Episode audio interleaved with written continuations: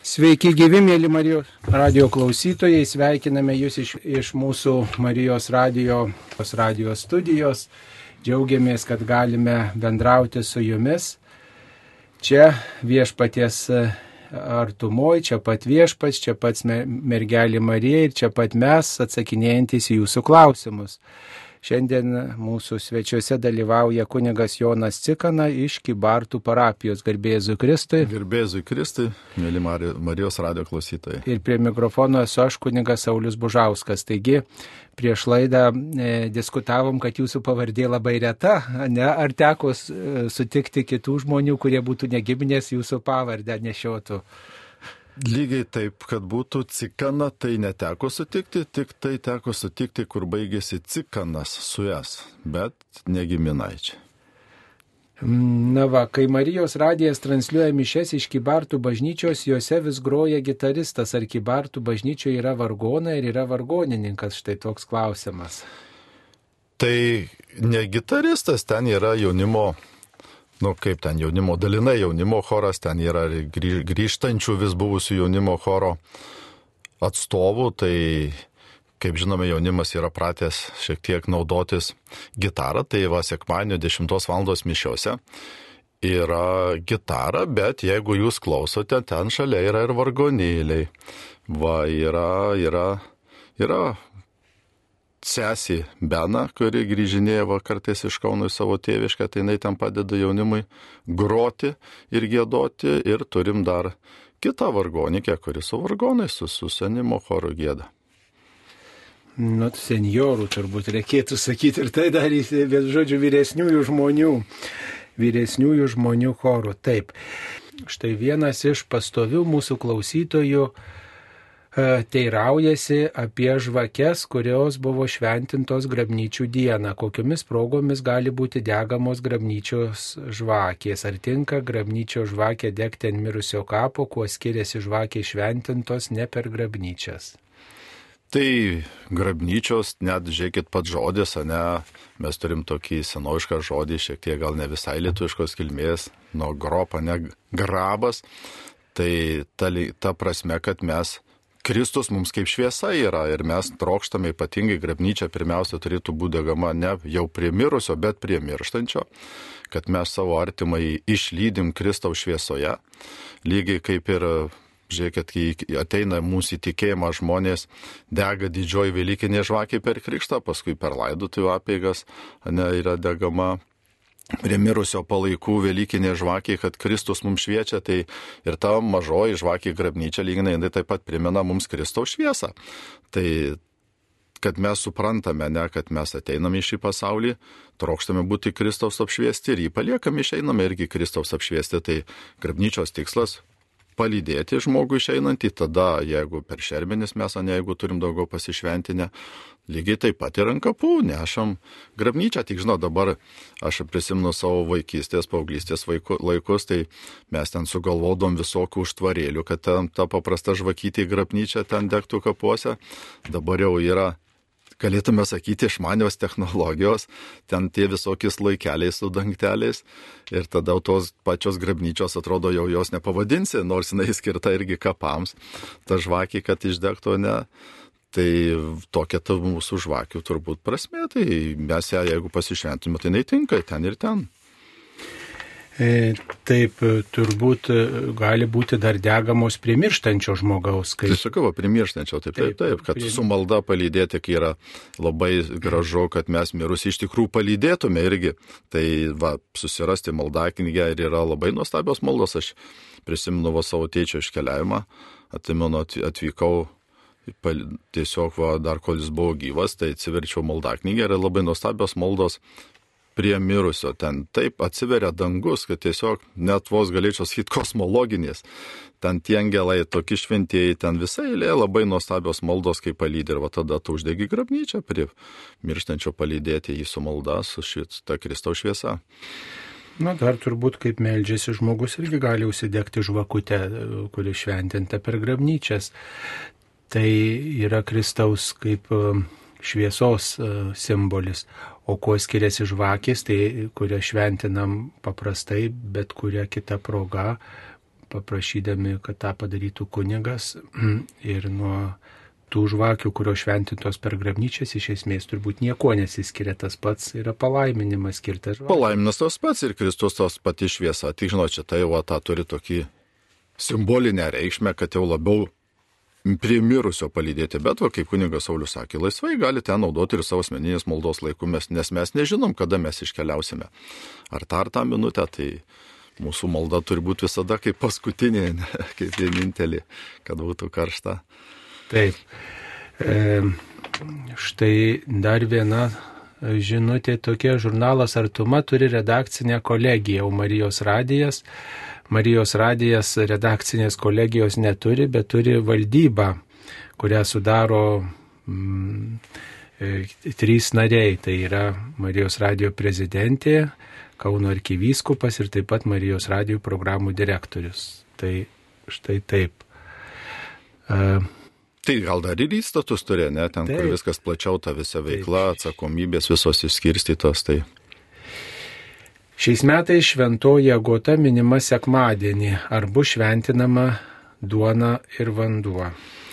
Taip, tik tai matote, tos specialios agotos minėjimo maldos yra nustelbiamos, nes yra sekmadienis, visada sekmadienis mums simbolizuoja kaip mažasias Velykas, Kristaus prisikėlimo akcentas, tai tada jau va šitos mažesnės šventės, ne, jos yra nustelbiamos, bet ta proga Marijos agotos užtarimu šventinsim ir duoną, ir vandenį.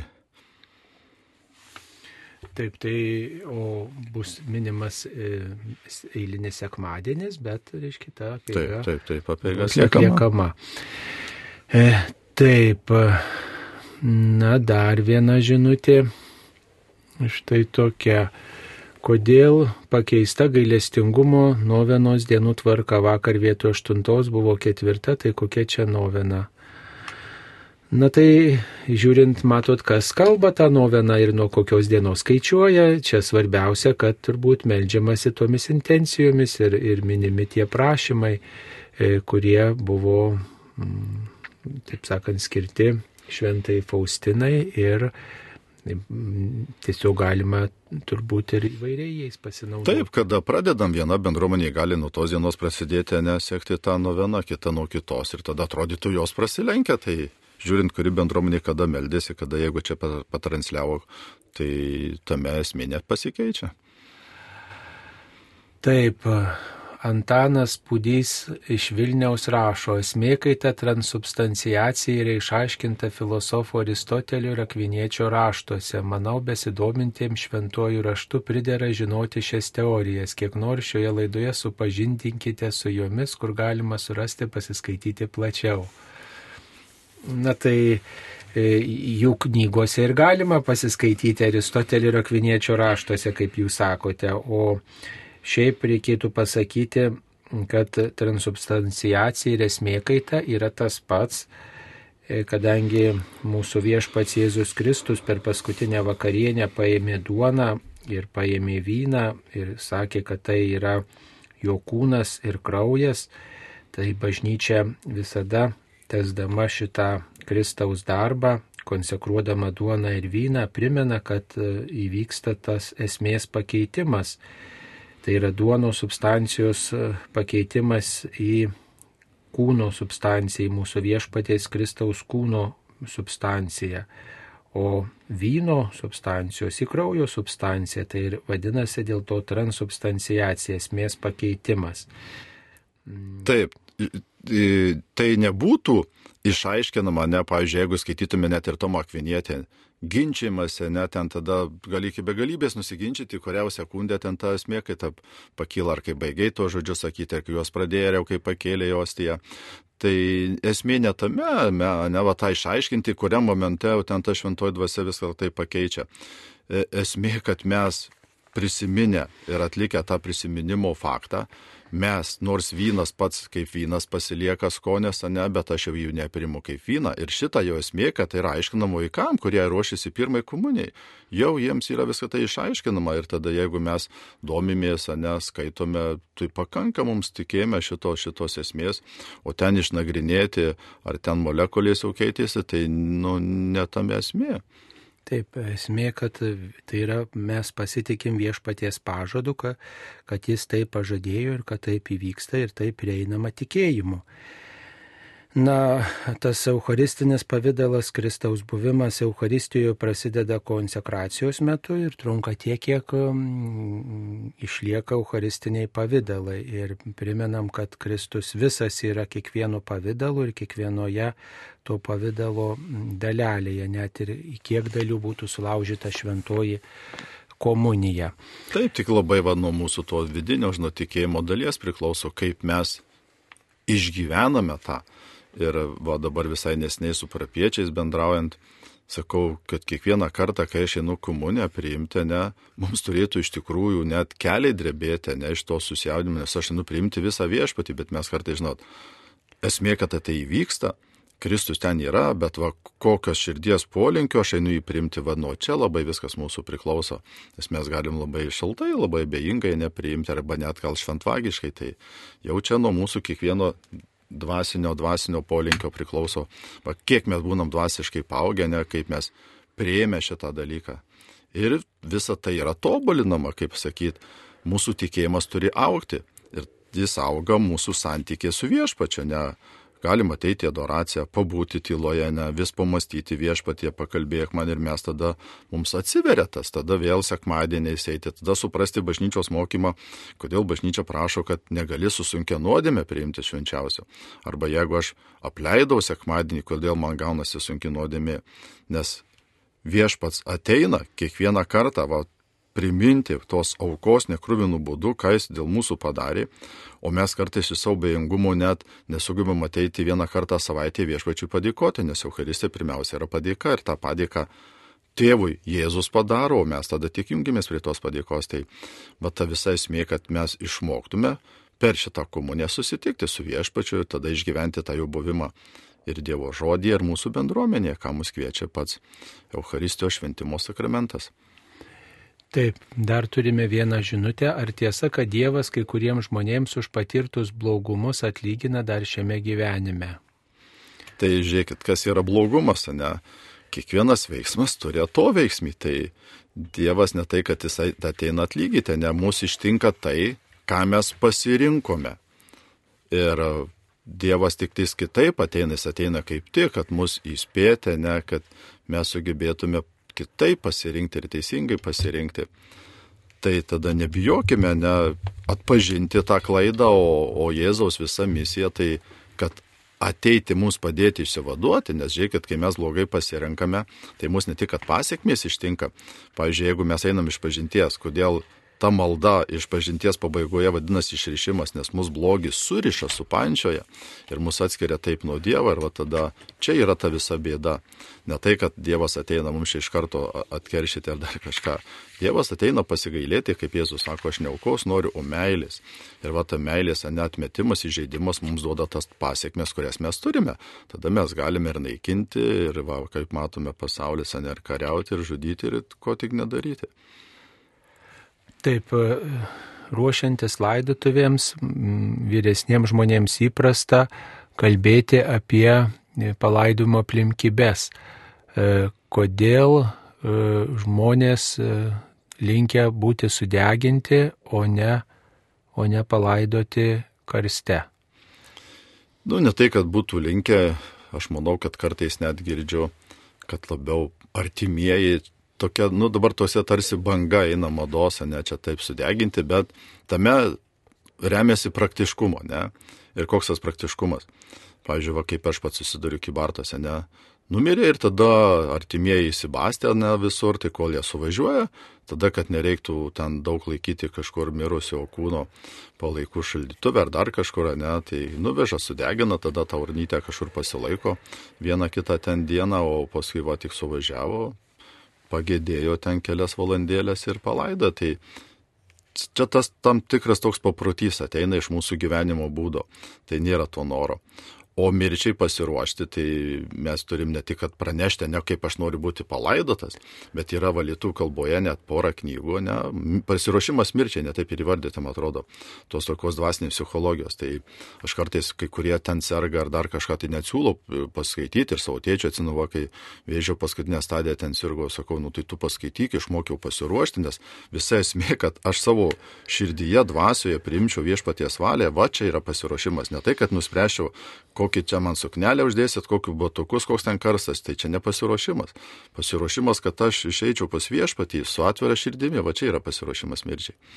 Taip. Jeigu reikia atleisti, nesusitaikyti va šitus darbus padaryti, o ten jau paskui koks ten bus tas kūno pavydalas jau, kaip jis ten bus apiformintas, tai esmės labai jau nevaidina. Taigi, dar vienas klausimas apie amžinybę. Mes vis kalbam apie amžinybę, tačiau nelabai žinom, kas mūsų laukia, kokia prasme kalbėti, jei nežinom to, kas mūsų laukia. Kas yra amžinybė? Tai amžinybė prasideda tokiu įdomiu, e, ne tai kad filosofiniu, negalėtume sakyti fizikiniu dėsniu, kuris skamba taip, kas yra, nebūti negali. Gali keisti formas, dar kažką, tai reiškia, jau čia mums yra nuoroda į amžinybę. O visa kita amžinybė, ne, paklauskim, ką Jėzus mums išdavė apie amžinybę, ne? Tai keletą tokių labai nuostabių faktų, ne, kad einums vietos paruošti ir kartu amžinybė yra tai, ko ausis negirdėjo, ko akis neregėjo, ką žmogui net į mintį netėjo, tai Dievas paruošė išrinktiesiems. Ir kartais mes labai subanaliname tam žinybę, kad čia galvytės palenkus, čia baltai apsirengus reisti gėdoti viešpačiui, tam balsus daryti daugiau nieko. Tai labai menkai mes tada įsivaizduom viešpatį, jūs pasidarykite, ne mūsų šitas pasaulis laikinas, koks atrodo nuostabus. Tai kaip ir Jėzus sako, mes net neįsivaizduom, kas laukia mūsų amžinybėje. Tai nebijokim amžinybės. Jeigu Dievas šitą mums laikiną šitokį nuostabų padovanojo, tai tik tai visų glėbių bėkim į jo amžinybę ir tiek tų dovanų gausim, kad u, bus Nu taip, bet tuo apie amžinybę yra kalbėjęs pats viešpats, kalbėjęs apaštalas Paulius, kuris vat, patyrė viešpaties artumą, šventam rašte apie tai rašoma, tai mes remiamės tuo liūdėjimu ir tuo pažadu, kuris palikta šventam rašte ir kurį perdoda bažnyčios tradicija.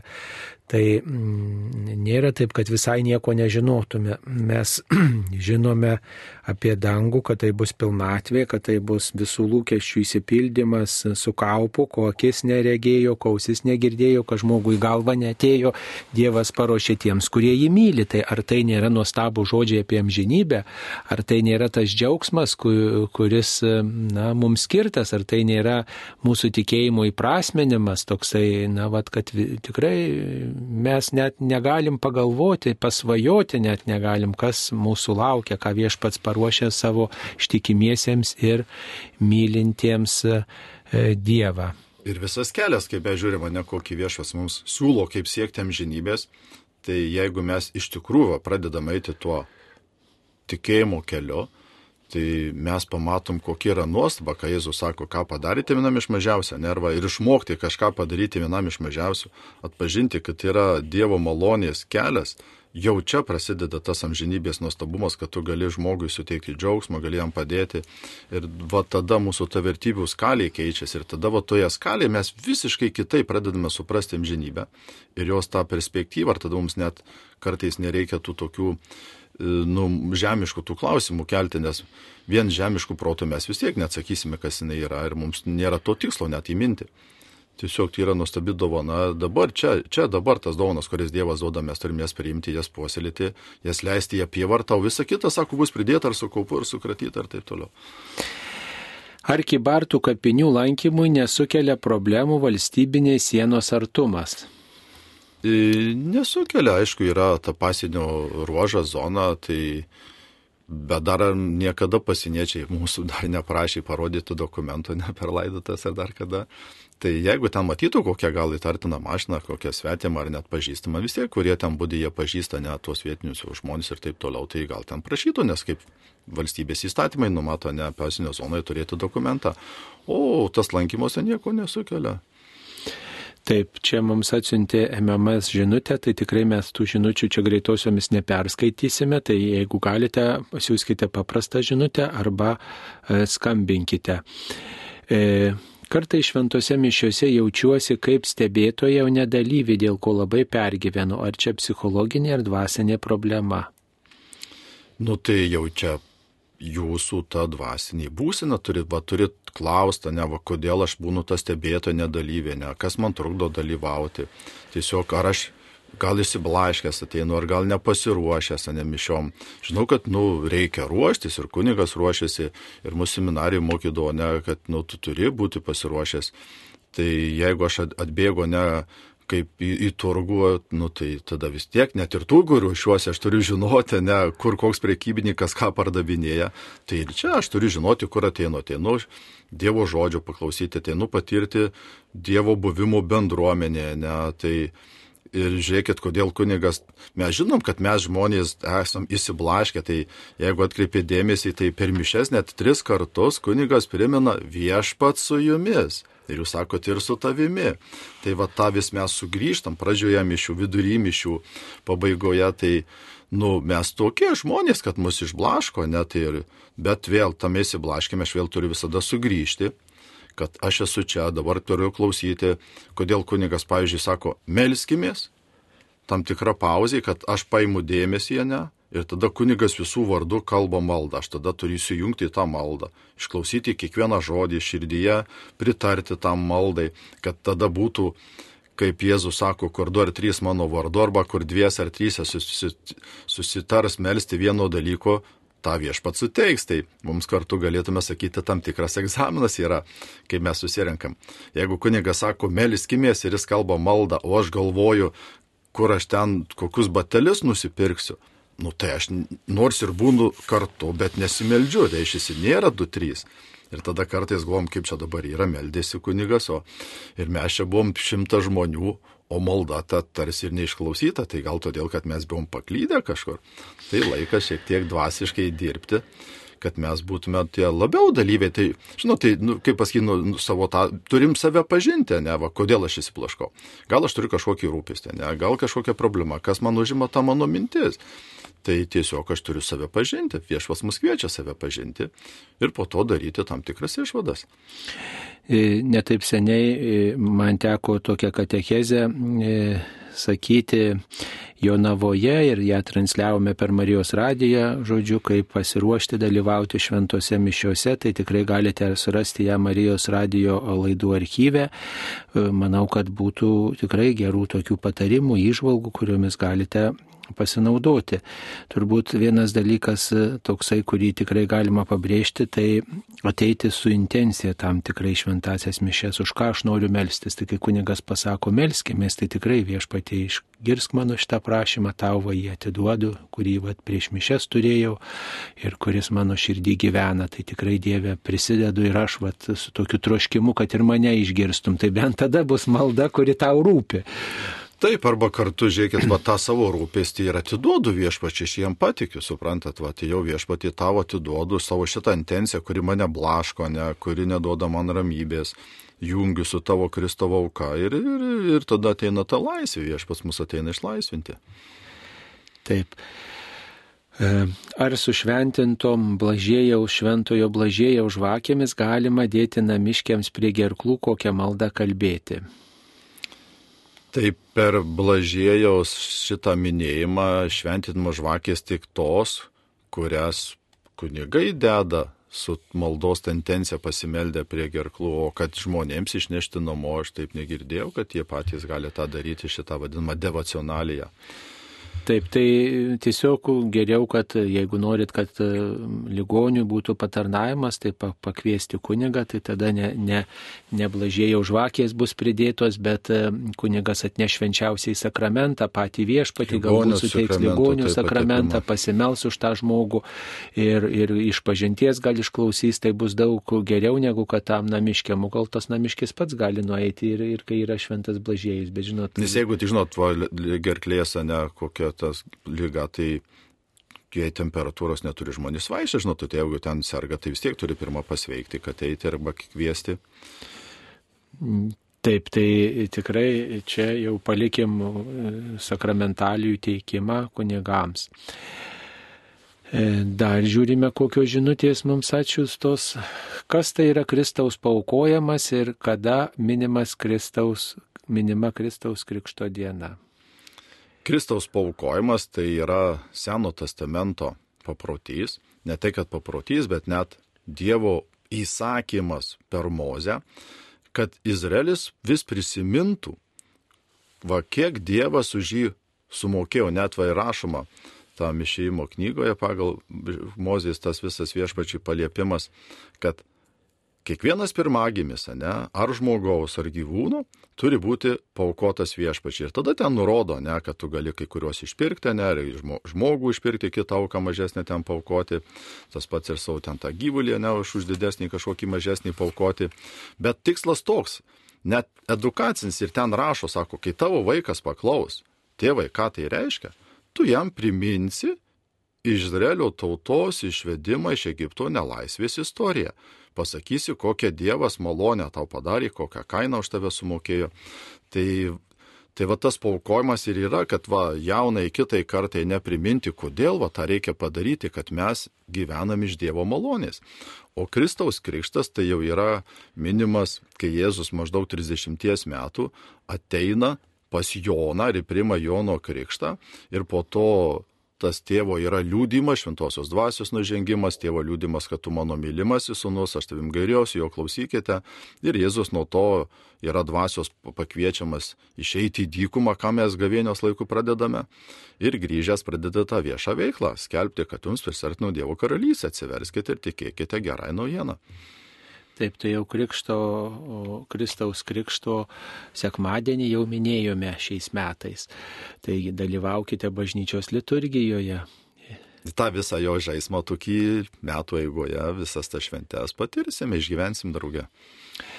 Ar negeriau būtų naudoti žodį senimas negu močiutės, kuriuo tarsi išskiriamos iš kitų žmonių pagyvenusios moteris?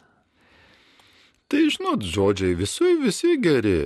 Yra močiutės, kurios nori močiutėm būti, neaišku, yra, kurie, jeigu negalėjo turėti vaikų, ne, nu, tai tada tarsi va, aš va, išskiriama, bet tai galima ir taip, ir taip naudoti. O, čia... o, o tada žmogus pagyvenęs tiesiog sakys, kodėl čia mane seniu vadina, kaip pavadinsim senimu. Tai čia, žinot, net ir ne, seniorais tai... pavadinti žmonės labai įsižeidžia. Viskas sako. priklauso nuo mūsų brando, žinokit, va, kai mes suprantame net tuos dalykų esmę, tai ir tie žodžiai jie tik, iš tikrųjų nekeičia nieko. Tai ir aišku, norime, ne kad mes vadirtume viską tikrai svardais, tai nebijokime. Tai yra mūsų toks amžiaus tarpsnis, ne, kai aš jau tu, sulaukiu to, tai mums reikia išmokti tą kiekvieną amžiaus tarpsnį priimti. Ir priimti, kad esu močiutė, aišku, esu girdėjęs, vakar žmonės lankavo, ne kartais būna, kad dar ne, šeima anksti susilaukia vaikų, jų vaikai irgi anksti, sako, va, nu jauna močiutė, tai kartais ten kiti sako, ne, nevadink manęs močiutė, bet tai tu turi anūkų, nu tai kodėl bijai to žodžio močiutė, nebijok. Nu, tai čia tarsi pabrėžia, kaip sakant, amžių ir... Taip, tai kartais kita. mes, vat, bet, bet tas es, esmė tai visai kita, žinot, tai esmė, kad reikia džiaugtis, dėko Dievui už gyvybės dovanas ir džiaugtis, kad turime žmogus nori jaunas močiutės. būti, tai kokia... Tai visada mes jauni viešpaties akivaizdu, tai žinot, prieš viešpatį mes tokie jaunikaičiai, kad. Taigi, gal geriau vadinti broliai ir seserys, tai tikrai bus e, bent jau šventų raštų paremtas e, kvietimas ir linkėjimas, bet aišku, kartais, e, kartais ir tai žmonės užgauna, ypatingai kai reikia kažką pasakyti griežto ar, ar, ar, ar kažkaip pataisyti. Garbėzui Kristui, kas kiek laiko kviesti kunigą ligoniui su švenčiausiu sakramentu? Tai įvairiai. Pavyzdžiui, kai kuriuose parapijose, kur man teko tarnauti, ne va didesnėse, mes turėdom tokį paprotį pirmais mėnesio penktadieniais turim sąrašą ir kunigas aplanko. Tada, pavyzdžiui, va, paskutinė parapija, kurios teritorija labai didelė, ne, man reikdavo važinėti daug, daug ten tų kilometrų, tai aš darydavau prieš Kalėdas, prieš Velykas ir prieš Marijos gimimo šventę, tris kartus metuose. Tada kitos parapijos, žiūrėkit, turi tuos komunijos dalintojus ir jie gali net kas sekmadienį ligoniui parnešti. Tai matote, yra daug galimybių, tik mūsų taip, bendruomenės turi to nepriaukti, išmokti, net tuos ligonius paruošti ir mes tada galim puikiausiai, puikiausiai padėti žmogui, kuris negali pats ateiti, ne lygos vienokios ar kitokios yra prispaustas, bet turėti tą bendrystę su viešpačiu, su bendruomenė ir priimti švenčiausiai sakramentą. Taip, mums paskambino. Paskambino, paskambino Aldona iš Vilnių. Galiu kalbėti. Taip galite, jūs eterija. Garbėjai Zokistai. Per amžius. Aš, čia mano kaiminė klausė, ji, ji manęs, ką daryti su jos vaikų krikšto žvakėmis. Vaikus pakrikštijo, gal dar prie pirmos komunijos prileido, vaikai jau užaugo, sako, man tos žvakės pasidarė kaip kliuvinys, nežinau, kaip jas panaudot. Tai aš nežinau, kaip jie geriau patart. Gal jūs galėsit man patart, patart sako, ar, ar taip? Taip, taip. Ar, ar taip, ačiū, ačiū Jums.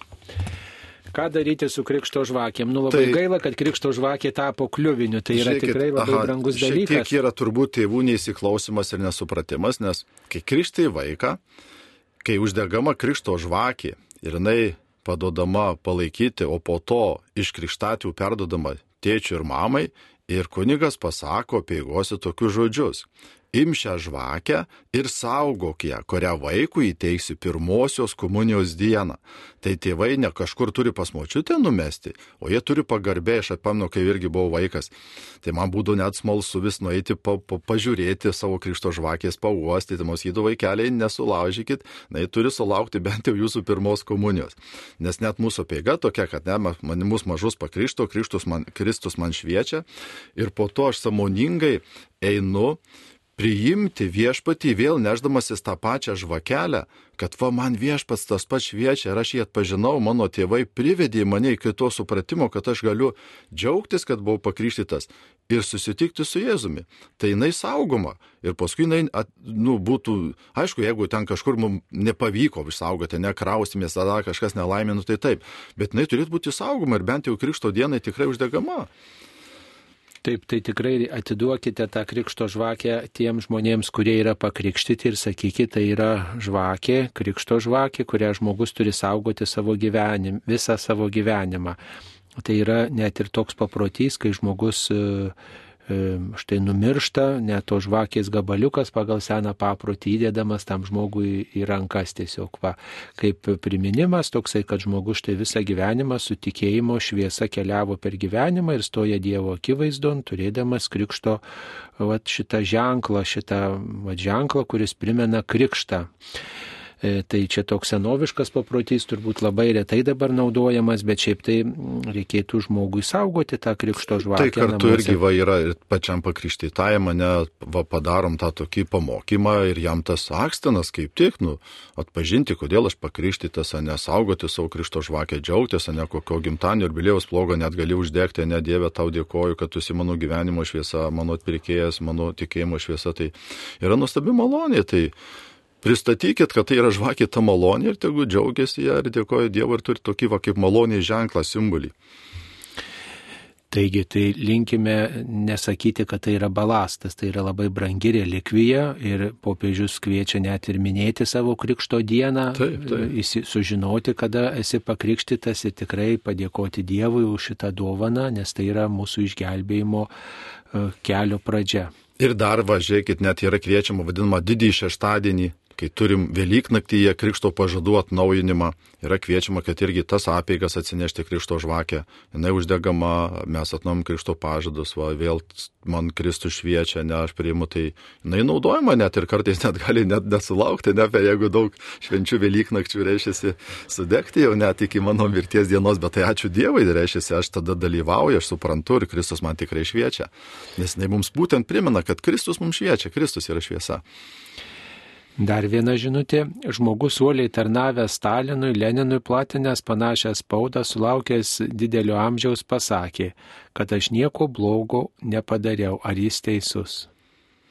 Tai jo įsitikinimas, nes kiekvienas žmogus ne, e, turi tą sąžinės balsą, kur viešpats jam turėtų nesugebėti prisikasti, bet jei žmogus taip įsitikinęs ir jo nu kaip pasakyti, žinot, vėl kas yra tiesa, ne va tas ir yra, kaip ir Jėzaus klausė pilotas.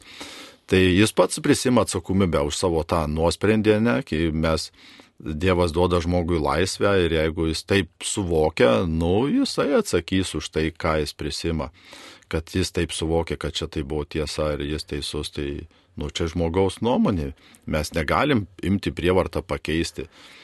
Tai taip ir atgailos e, dovanos neįbruksi žmogui, jeigu jis jos nenori priimti arba jos tos dovanos nėra gavęs. Tai nepriversiu jo nei atgailauti, nei atsiprašyti, nei, nei panašiai gali kalbėti, kad vat, nu, čia toks buvo vat, tas, tas toks gal klaidinimas ar panašiai, gal verta apie tai atlikti, e, pasakyti išpažinti, atlikti išpažinti žodžiu, na tai, bet jeigu žmogus, na, vat, nesusipranta, ne, nemato, nu tai belieka tik melstį jo atsivertimo, turbūt taip. Taip, viešpas mus kviečia, melskitės ne už priešiaus, su persekėtojus, tai laiminkite visus, o net ir mes, kai mūsų tikėjimo protės Abromas, ne, tai tas pirmas pakvietimas, kad per tave bus palaiminti, tu laimink visus, tai va mūsų irgi misija laiminti.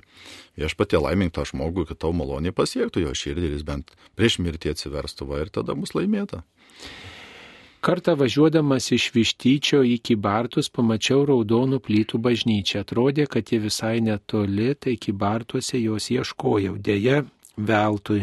Pasirodo, jį yra napus sienos Černiševskoje įtkūnų gyvenvietėje, dargi kareivinių teritorijoje už tvoros, kokia tai bažnyčia, ar jie veikia. E, taip, visiškai viską jūs gražiai nupasakojot, aš irgi ją vis per savo langus matau.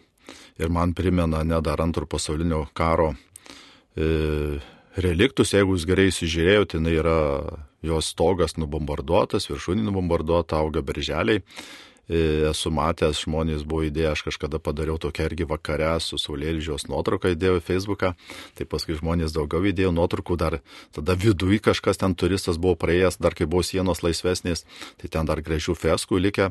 Šiaip yra vokiečių protestantų bažnyčia, kuriai ten tiesiogiai tai pakrepai priklausė ir ten liuteronai, ir ten kokie kiti, tai negaliu to atsakyti tiksliai, reiktų pasiskaityti viena jau neveikinti nuo antro pasaulinio karo, nes kai frontas ėjo pro tą liniją, pro tą viso Vilkaviško rajoną, mūsų viskupijos ten gal kokios septynios parapinės bažnytėlės buvo susprogdintos ir tuo tarpu ir va, ta Jėtkūnų bažnytėlė. Tai jinai neatstatyta per tą visą, va, visą, visą šitą laiką po karo ir jinai stovi toks, va, mums primena reliktą, kad karo grėsmė neva nepaiso, susprogdino bažnytėlę ir jos niekas neatstato.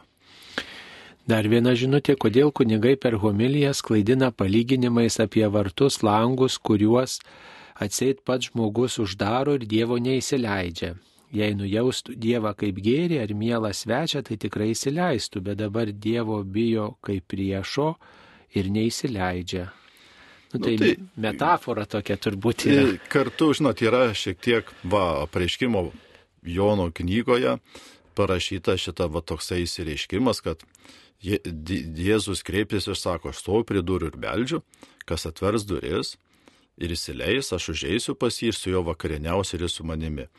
Tai ir net yra ir, ir mene, ne žmonės, va, menininkai bandė pripiešti tų situacijų, ne kaip tos durys atrodo, kaip ten Jėzus beldžia, bet visa esmė ta, kad, žiūrėkit, tikėjimo santykyje Dievas mums padovanojęs laisvę, jis trokšta, kad mes, Dievas daug sudaręs galimybių, kad iš tikrųjų galima jį atpažinti ir jam atsiliepti. Nes jeigu Dievas ateitų visą savo esybę, tai gal net mums net laisvės nebeliktų, suprantat, mes paregėtume jo tą visą esybę ir mes ne, kitaip net nesugebėtume įspręsti. O Dievas nori, kad mes laisvai iš tos perspektyvos, kurias mes galime atpažinti Dievą, pamatyti, už jį apsispręstume, tai, tai kunigai turbūt ir panaudoja, žinot, jau reikia vėl tada klausimas, tai tada bent jau tada pacituoti kokią citatą, tikslę ne, kad mes galėtume kažką daugiau komentuoti, bet tai tiesiog yra tas kvietimas, kad noras pasakyti, kad Dievas viską padaro iš savo pusės, bet lieka mūsų atsakas, va, kaip man sekasi atsiverti, va, čia jau nuo mūsų, aišku, o tas irgi daug priklauso, ne, kaip mano vidus buvo auginamas, ne, kaip aš tikėjime pažengęs, kaip aš keliauju tikėjime, tai, bet čia, čia jau irgi nuo mūsų tos visos tikėjimo kelionės priklauso, ne, ar man gerai perdaviau, kartai žiūrėkit, mes turim, net yra tokia knyga, demoniški Dievo įvaizdžiai, ne, mes kartais iš savo gyvenimo patirties, ne mus kažkas neteisingai vedė ar kažkokį pavyzdį davė, tai mes ir Dievą kartu paskui neteisingai įsivaizduojam tą Dievo vaizdinį įsikuriam ir tada mums net ne, ne, nesigauna tokiam Dievui, mes jau bijomės, ne, neįsileidžiam, nu tai yra tos. Tai tiesiog irgi nebijokite ieškoti, kaip ir Jėzus palyginimo moko, sako, ieškokite, rasite, belskite, bus atidaryta, tai svarbu mums kyla klausimai labai gerai. Ir tada mes ieškom ir tikrai galima rasti, ne, ir, ir, ir tada susiraskit kokį dvasinį palydėtoją, ne, ar dvasinį pokalbį kažkur nueikit. Ir atpažinti, ne va, kodėl man sunku, va, kodėl mane baugina tas troškimas, kad įsileisti Dievą, kodėl aš bijau atidaryti, tai gali būti mums tam tikros tos vadinamos tokios sužeistos dvasiniais patirtys, kad mums nejauku, ne va taip įsileisti tą Dievą, tai nuo mūsų Dievo įvaizdžio irgi šitas labai priklauso. O gal yra ko bijoti, tiesiog sąžinė nerami. Taip, tai ar tas, ar tas, va, ar, pavyzdžiui, nu, žinot, pavyzdžiui, kas va susitinku irgi, kaip e, vėl dabar bus močiutės, bet yra močiutės, kai anūkus moko netikėjimo, tai ypatingai dar senesniais laikais, tokį šiek tiek neteisingą Dievo įvaizdį įpirždavo, kai vai, anūkai neklausydavo, sako, vaikelė, tave dievulis nubaus ir ten tokių biški grumuojančių, tokių policininkų Dievo įvaizdį įperša. Ir paskui mums kartais net ir tai yra baimė tokia, ne jeigu kažkur suklydau, o dar Dievas policininkas, ne prokuroras, čia teisėjas mane iš karto pasodina, nubaudžia, tai tada va, nuo, to mes galim net ir bijoti eiti į artimesnį santykį su Dievu. Bet va jūs keliat klausimą, išgirstat ir jau jums atsiveria durys eiti kitų kelių, bandyti kitus būdus. Taip, mums paskambino ir kasgi paskambino? Paskambino Algis iš Kauno. Garbė Jėzus Kristui. Per amžius. Būkite malonus, pasakykite, kad man teko matyti laidotuvėse, kad kada nuleidžia nabašniką į duobę ir ant karsto metamos gėlės. Sakykite, kas čia yra tokia per tradiciją. Taip, supratom. Ačiū. Tai bažnyčios paprotį, tai ant karsto apieigose yra užmetama žemės, ne, kaip atsisveikinimo ženklas ir kunigas net ištaria žodžius, ne, atmink žmogau, kad dulkės ir dulkė pavirsi, bet viešpats pakvies tave į, į amžiną gyvenimą, o tas gėlės mesti, tai čia papčių artimųjų toks jau tarsi paskutinio atsisveikinimo būdas, nors aišku esu girdėjęs, va ir per Marijos radiją nemažai kunigas Arūnas Simonavičius vis sakydavo, jum karstų dobė nešiukšlynas, nemeskit tų žvakių galiukų, nemeskit ten, kad greičiau karstas supūtų tų gėlių. Gėlė, jinai turi, nu, jos pats tikslas gėlės, kad dabar parodyti vizualiai, nu, koks, koks tikslas užkasta gėlė, ne? Jis neparodo jokio vaizdo, jokios to širdgėlos neišreiškia, tiesiog užkasta. Tai palikit gėlės ant paviršiaus, kad jos dar šviestų, rodytų tą žmogaus nuostabaus kūrinio, Dievo kūrinio, ne tą išgyvenimą, nes gėlė mums duoda džiaugsmo, ne kaip pri, priminti, kad kartu esame ir trapus, bet kartu ir esame gražus, ne arba tą, tą grožį tokie, ne, mes palydim, kad jiem žinybę, tai bažnyčia neturi savo peigose šito papričio, kad numesti gėlytes į karstą, čia tik patys žmonės taip susigalvoja. Aš ten nesu bandęs kartais sakyti, kad ten taip nedarykit, bet matau, kad žmonės neklauso, nu tai palieku aš jų valiai, darykit tada, kaip jūs norit jūsų artimieji, jūsų karstas, aš padarau, kas man priklauso, paskui jūs Nes kartais tų edukacijų jie neklauso tų katechezių. Na tai mes čia veltui laiką gaištam, klausykite, jeigu nieko neklauso mūsų. Bet tokie faktai, tai ką. nu, bet pamokyti reikėtų, gal, žinai, aš pavyzdžiui sakydavau, kad neneškite tų daug gėlių, tai geriau padėkite artimiesiems, jeigu ir po laidotuvių reikės gyventi, viską tai žmonės palinguoja, galvom, kad tikrai va teisingai kunigė šnekė. Bet tiesą pasakius, gėlių dabar mažiau laidotuvėse, gal patys žmonės susiprato, nu, kad čia tikrai kartais... Na, nu, taip, tie didieji vainikai jau visai Išnyko. skaitykit išnyksta, jau labai nedaug, tam biškai ant targažėlės, koksai būna užrašymas, ten labai Krepšelio. nedaug. Taip, krepšelio. Va, šiek tiek keičiasi tie papročiai, bet irgi, va, kaip ir pirmai paminėjo mane, ar tas deginimo paprotys toks labai labai jau įlenda. Tai vėl kartais aš nežinau, iš kur atsiranda čia patys žmonės, net vieni kitiem čia, o tai mes, mes čia tą gėlę, nu tai Tai visur mūsų samoningumas, suprantat, mes turim aukti patys kaip žmonės, kaip asmenybės, net augdyti brandą, suvokti, ką kiekvienas veiksmas reiškia. Ne. Nu, jeigu jis dabar taip supranta, kad jam ta širdgėla dabar tokia turbūt išreikšta gėlės įmetimu, nu, tai jis taip supranta. Na taip.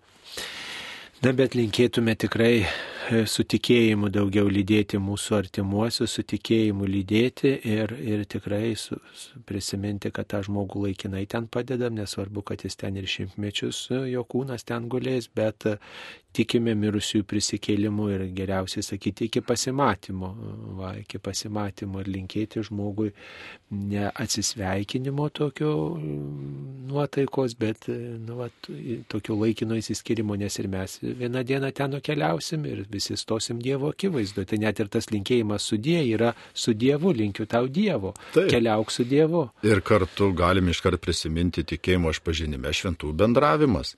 Žiūrėkit ir va, kaip popiežių Benediktas XVI laido, ne, iš karto šaukia e, iš karto šventas, iš karto šventas. Tai bet mes galim ne tik tai va tokias didžiasias asmenybės, nelaikyti šventaisiais, tik šventų bendravimas, tai mes jau pradedam bendrauti su artimaisiais tuo visai kitų būdų, dvasiniu būdu, įtraukti į maldą, nebijokim maldoji ne tik užtarę, bet ir jų net prašyti užtarimo, nes kaip paskui paskelbsim šventuosius savo artimaisiais, nu, tai artimuosius šventaisiais, tai jau turim pradėti tą šventų bendravimą. Taip, dar viena žinutė. Ar ligonis, kuris priėmė paskutinius sakramentus, gal reikėtų sakyti ligonių sakramentus, e, girdėjo, pritarė tam, bet negalėjau kalbėti, ar jis išgelbėtas, jis jau mirė. E, ligoniai dažnai, kurie net ir negirdi, ne, pažiūrėjau, mano iš, iš kiek ne kunigiškos tarnystės, tai kartais artimieji aš jau klausiu, skanu, ar dar sugeba nuryti, ar dar primšvenčiausia, dar kalbasi. Tai jau dažnai būna nupiešiama, kad jau ten nieko nepavyks, bet vis tiek aš nešuosi švenčiausiai ir mūsų jau pastarcinė, nu, kaip šiek tiek mokymė, sako, žinot, kad girdi, tada pasilinki, jausį pasakėjai, jau žiūrais tau rodo akim ženklą ir iš tikrųjų žmogus vis, visada daug girdi ir iš tikrųjų priima tuos sakramentus iš tikrųjų samoningai ir daug tų liūdimų girdėjau, sako, va, matai, mes jau visą savaitę nesusikalbėjome, ateini, ateina kunigas ir susikalbė ir priima ir džiaugiasi ir su viešpačiu iškeliauja ir ačiū Dievui. Ar jis išgelbėtas, tai gali pasakyti tik viešpats. Mūsų pareiga turbūt malda lydėti tuos žmonės, kurie iškeliauja ir už užmirusius melstis. Tiesiog pavedam Dievui tą žmogų ir tokiu būdu savo meilės ryšį išreiškėme. Va tai mūsų malda bet kokiu atveju veltui nenueina. Tai yra solidarumo bendrystės ženklas. Tai tikrai melskitės už tą, kuris jūsų šeimo, jūsų giminė iškeliavo ir tikrai jūs turėsite daugiau pagodos ir kartu Dievą pašlovinsit ir pasitarnausite tam, kurį pažinojote. Mums paskambino, kasgi paskambino? Juratė iš Vilniaus pas. Klauskite, Juratė. Garbėzu Kristai. E, prie per amžius.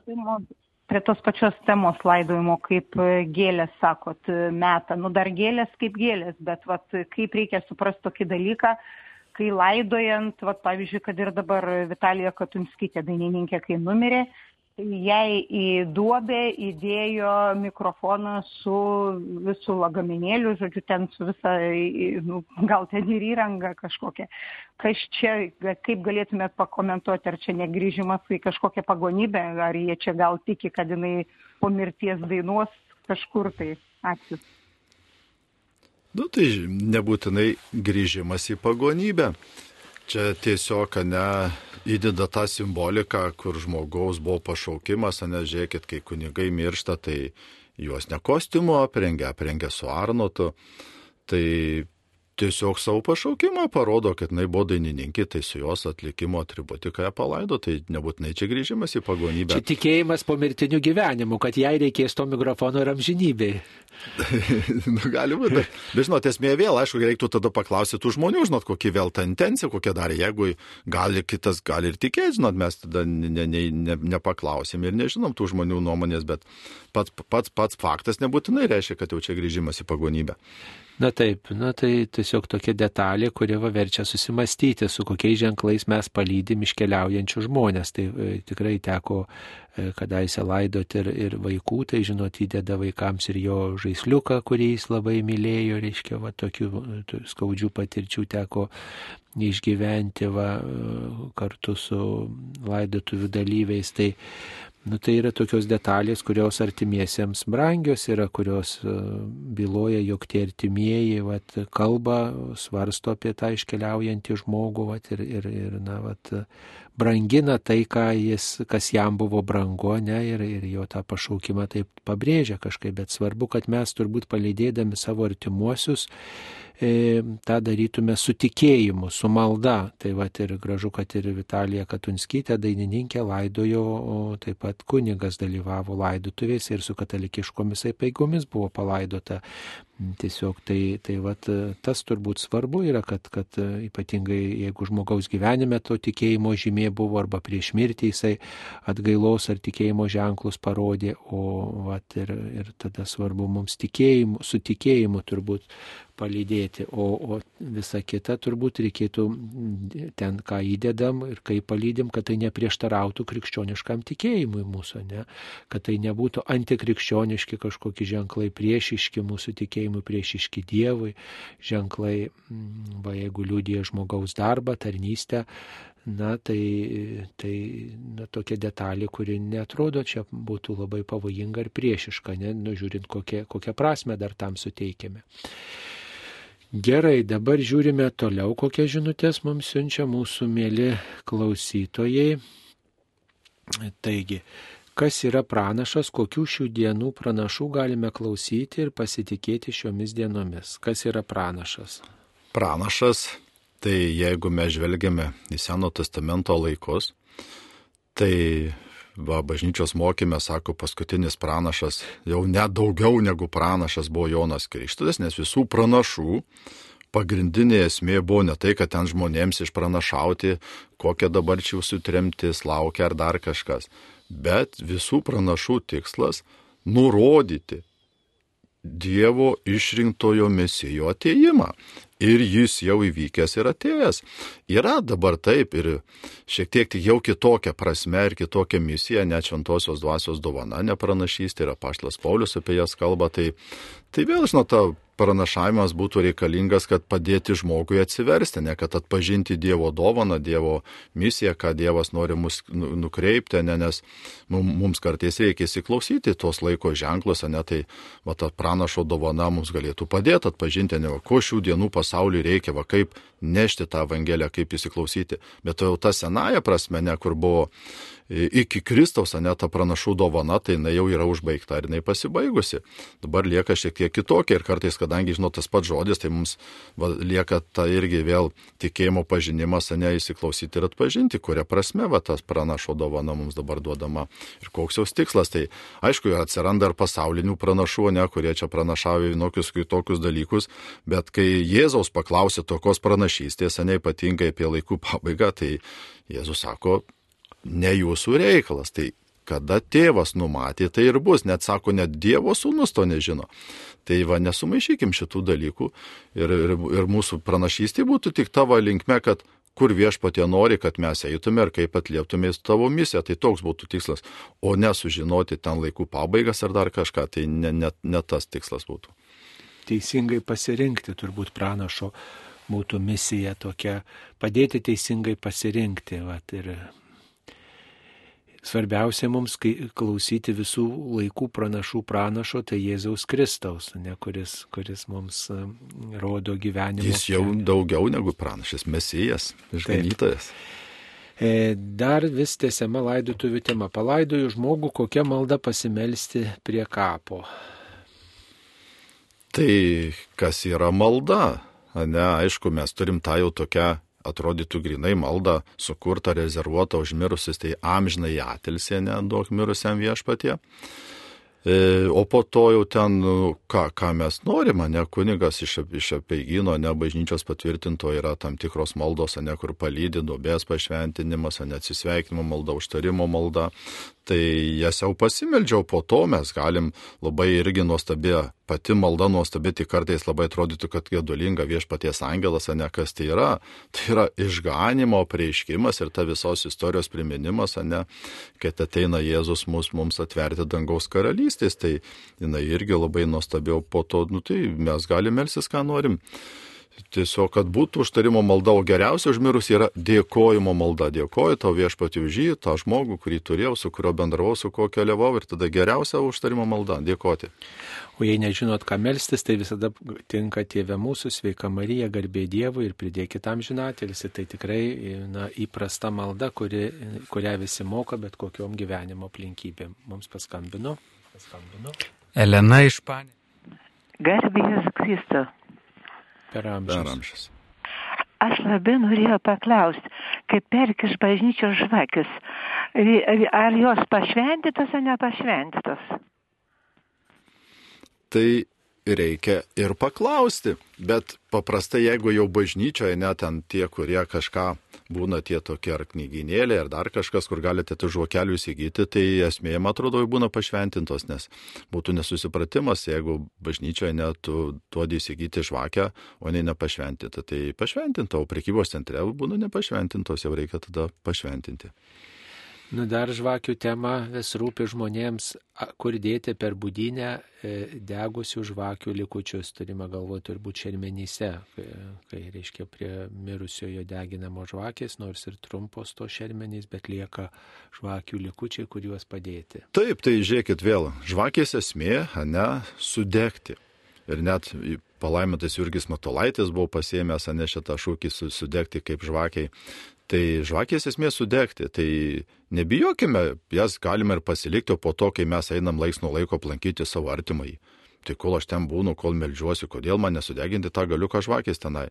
Ne tai, kad už, užmesti kažkurį, kai dar, aišku, pašventintų žvakės jau, kad ir kiek likutis netiktų mesti iš šiukšliadėžę, jau bent tada jau tavo ekstra atveju, ne, jeigu jau nenoriu deginti, tai tada, kaip ten jau sako, už kas tada pas tuos kapukuose, bet šiaip jos esmė švakys yra sudegyti, tai nebijokite jas pasilikti ir visų uždegti, uždegti, uždegti. Ateinu maldai aplankyti, patvarkau kapukus, uždegu žvakytę, uždegu žvakytę. Taip, tuos likučius tiesiog sudeginti ant kapo, jeigu matot, kad tiesiog nedega ar ką, tai palaukit e, tokio palankaus oro, kada bus galima sudeginti. Nebijokit, kad čia jūsų maišelį ar dėžutė kokioj saugosite namuose, tai tikrai nesusiję su jokiais prietarais ar, ar nelaimėm ar dar kažko, jūs tiesiog gerbėte e, tikėjimo, tikėjimą liudijančių ženklus. Ir vis nereiks pirkti naujų, ne, aš turiu dar tų žvakyčių nenušu ir sudeginu, besimelsdamas prie savo artimojo kapelio. Taip, dabar um, padarysim pertrauką.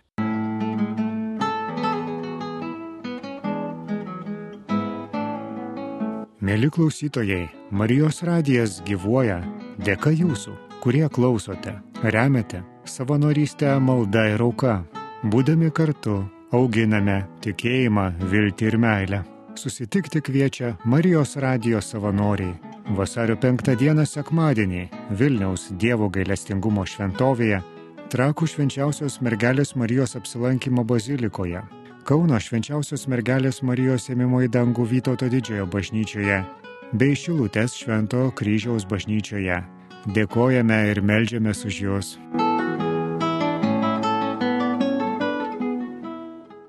Dėkojame visiems, kurie palaikote ir remiate Marijos radiją. Dirbantys Marijos radio klausytojai ir jų artimieji esate prašomi užpildyti elektroninę deklaraciją ir skirti 1,2 procento gyventojų pajamų mokesčio Marijos radio veiklai plėtoti. Atlikdami gerą darbą, net ir netvėrę savo piniginės prisidėsime prie tikėjimo skelbimo darbų. Te būna palaiminti jūsų geri darbai. Marijos radijas. Loué soit ton nom, tu es en Dieu fort, et nous célébrons Dieu de tendresse. Ta miséricorde et ton amour, tu es grand Dieu. Pokalbių laida Klausk drąsiai.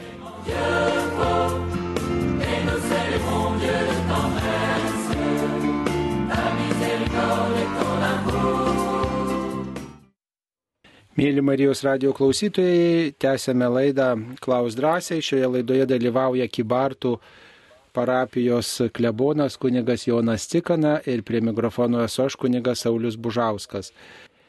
Gerbiamas kunigas Jonas minėjo, kad kalno pamokslo palaiminimus priimti kaip nuorodas, kaip reikia gyventi, kad gyventume džiaugsmingai. Gal galite plačiau pakomentuoti kalno pamokslo palaiminimus, nes šiais laikais labai stinga džiaugsmo, visa pasaulio politika veda į didelę neviltį ir ateities baimę. Tai e, visai neseniai buvo knygos palaiminimų šviesa pristatymas, yra tokia knygelė ir ten išsamei tie palaiminimai aptarti, nebent kunigė norėtumėt pridėti dar Tai tik galima jums tokia naujiena, ne, aš nežinau, kur iš jų girdėjot, gal čia buvo praeitą sekmadienį ne, per, per, per mišes. Tai kas labai įdomu, kad dabar yra paruoštas naujas vertimas Evangelijos ir ten labiau nurodo į žodį, kad Jėzus turėtų hebrajiškai būti atitikmuo, kad laimingi. Tai tas va palainimas turi vesti į mūsų laimės patirtį, ne, kad net, pavyzdžiui, kaip gali būti laimingi liūdintys, ne? Tai va tas, kad mes, kai išgyvenam tą santykį su viešpačiu, nors pasaulio akimis atrodo visiškai kitaip, bet mes galime patirti va tą vidinę laimę, kai aš pasitikiu juo ir Jėzus atneša ramybę. Žiūrėkit, Jėzus sako, jums prisertino dangaus karalystė čia pat. Tai reiškia, kad mes jau čia dabar patirime nebūtinai laukti to visos laimės įsipildymo. Aišku, tai bus didžiausias įsipildymas, kai jau mes regėsim viešpatį veidas į veidą ne, ir patirsim tą amžinybės skonį po mirties, bet mes ir dabar tą, kai Jėzus prisikelia, jis pirmiausia sako ramybė jums. Ir va daugelį kartų mokiniams pasirodęs jis ištarė ramybė. O ramybės patyrimas tai yra mums tas didžiulis laimės patirtis. Nes mums nelaimė būna, kai mes ne suirzę, susierzinę, neramus ir taip toliau. Taip mums paskambino. Saulė išleipalė. Taip klauskite. Garbėjai Kristui. Per amžius. Per amžius. Aš turiu tokį pasiūlymą. Čia šiandien labai daug kalbėjo apie žvakes e, nesudegintas. Ir e, per grabnyčias daugiausia nu, visą laiką e, šventina tas žvakes, kur nu jos yra nužvakė. O kapuose degina, tai paprastai indeliuose ir jie sudegint tas grabnyčiai žvakes, nu tai tiesiog nu, ir, ir vėjas ten ir, ir nelabai išeina. Tai, o per gyvenimą vis tiek kiekvienais metais eini, nusineši tą žvakutę ir lieka, lieka, lieka. Tai šiuo metu uh, Lietuvoje tokia akcija vykdoma uh, apkasų žvakių gaminimas Ukrainai. Uh, ir čia mūsų aplinkoje, čia pietų Lietuvoje, Marcinkonyse, Leipelingi, Druskininkose surenka į tokias vietas konteinerius parafiną, nu, žvakigalius visokius žvakes, ar, nu, ką žmonės gali atiduoti ir į skardines lydo, paskui įdeda kardoną e, ir į skardines e, užpila e, tuo išlydytų parafinų vašku, vašku ir, nu, tokias, ir paskui ant tų žvakių Ukrainoje, Ukrainoje kariai pasišildo maistą arba patys susišildo arba ten jiem reikalinga ir daro tokias siuntas ir veža į Ukrainą. Tai, pavyzdžiui, Mm, toksai žmogus, kur, nors pasakiau jam, jis mirų žmonai viską tvarkė ir tokį glėbį tų vaškinių senovinių žvakių atidavė, sakau, bet jos pašventintos, o jisai sako, tai ir gerai, sako, tai, kad, nu, panaudojus šitas žvakes Ukrainoje, sako, šetoną išvarys dar greičiau iš iš Ukrainos. Tai mano toks pasiūlymas, kad, nu, aš nežinau visoje Lietuvoje kaip, bet tarkim, pietų Lietuvoje čia, tai tikrai yra kur jas padėti. Ir jeigu kam nereikalingos. Taip, ačiū.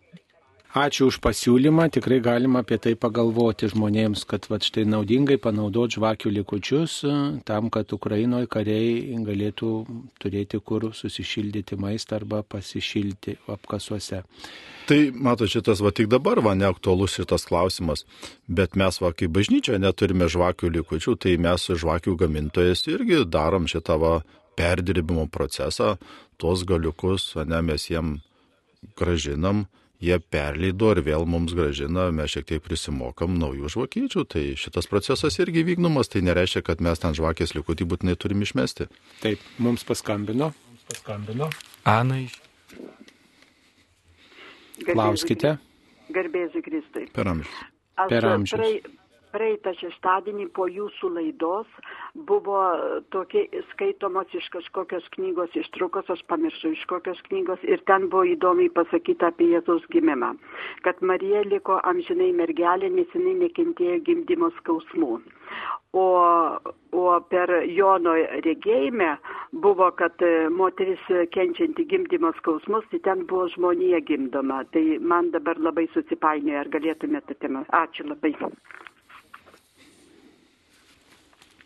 Tai, kad Marija mergelė, ne, tai nereiškia, kad Marija pagimdė kažkokio Cezariaus pjūvio ne be sąrimų, be skausmų, tai net yra ir giesmės, yra prieškimo knygoje, tai kad moteris ištikta sąrimiu, ne ten šitonas tyko, kad jis pagimdys, tai ne, Marija gimdė normaliai, ne, turėjo patirti, o ten jau paskui, ar ten tikrai ar netikrai, matot, E, vieni regėtojai gali ten vienaip regėti, kaip ten Marija gimdė, bet jinai normalų žmogaus, tik tai ką, ką reiškia, kad Marija nekalta, ne tai, kad be, be vyro pradėta, tai visai yra didelis skirtumas, kad be skausmų tarsi gimdytų, tai turi gimdyti su skausmais ir dar daugiau. Kai Jėzų atneša paukoti, ne va dabar neseniai irgi šventim Kristaus paukojimą, tai ateina ir Zacharijas, ne, e, ne, ne Zacharijas, e, Simeonas. Simeonas, reiškia, Marija išpranašauja, ne, kad tavo siela pervers kalavienę ir mes turim tą ir menę Mariją su tais septyniais kalavėjais, su jos skausmais, tai jinai ir tų daugiau kitokių skausmų, ne tik tai gimdymo. E, bet nemanau, kad mums tam reikėtų vėl va, tas tam tikras tikėjimo tiesas, neįsinagrinėti, kaip ir va, ten prieš tai buvo maždaug klausimas apie Euharistijos tą transasociacija, reiškia, ar mums reikia tiek išsinagrinėti, ar čia Marija jautė skausmus ar nejautė ir kaip ten kada ką gimdė, tai, tai ne, ne čia esmė. Esmė, va tas santykis, ne su Dievu, atvirumas Dievui ir kad mes priimtume Dievo malonės, va, ir kaip Marija priima tą visą pilną Dievo malonę, kad neištarė štai iš Dievo tarnaitį, tai čia yra ta didžiausia malonė. Taip, mums paskambino. Paskambino.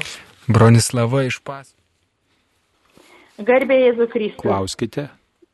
E, pirmiausia, noriu padėkoti už padėką Kalėdų progą ir norėčiau užduoti tris klausimus. Pirmas klausimas. E, kai laidojam amžinatės mamytę, buvo, buvom pasimetusios ir neuždėjau e, ružančių to, kurį jį prašė. Kaip dabar pasielgti ir ar galiu aš tą ružantį kam nors padovanoti? Antras klausimas aš esu tikinti, nenorėčiau, kad mane kremuotų, bet jau dėja kapinėse nėra vietos, nes e, bus per, per aukštai ir sakė, kad tik kremavimas. Ir trečias klausimas, kur gauti palaiminto Karolio Kučio e, maldą jį kreiptis. Ne litanija, bet malda. Taip, ačiū. E, dėl rožinio, žiūrėkit, tai, nu, nebūtina ten mirusiam, aišku, pamiršot, ne, dar kažkaip į streso neuždėjot, tai vėl nebūtinai kažkam atiduoti. Tai jūs melskitės su mamytės rožiniu už mamytę, dėkokite, ne, atpažinkite šitą nuostabią kontempliacinę rožinio maldą, kur su Dievo motina galim ir už savo artimuosius dėkoti, ir už save, ir savo prašyti malonių, ir visam pasauliu atsivertimo, tai tiesiog perimkite iš mamos šitą rožinio maldą ir tai bus dar didesnė dovana, negu būtumėt mamytė į karstą įdėję tą, tą rožinį.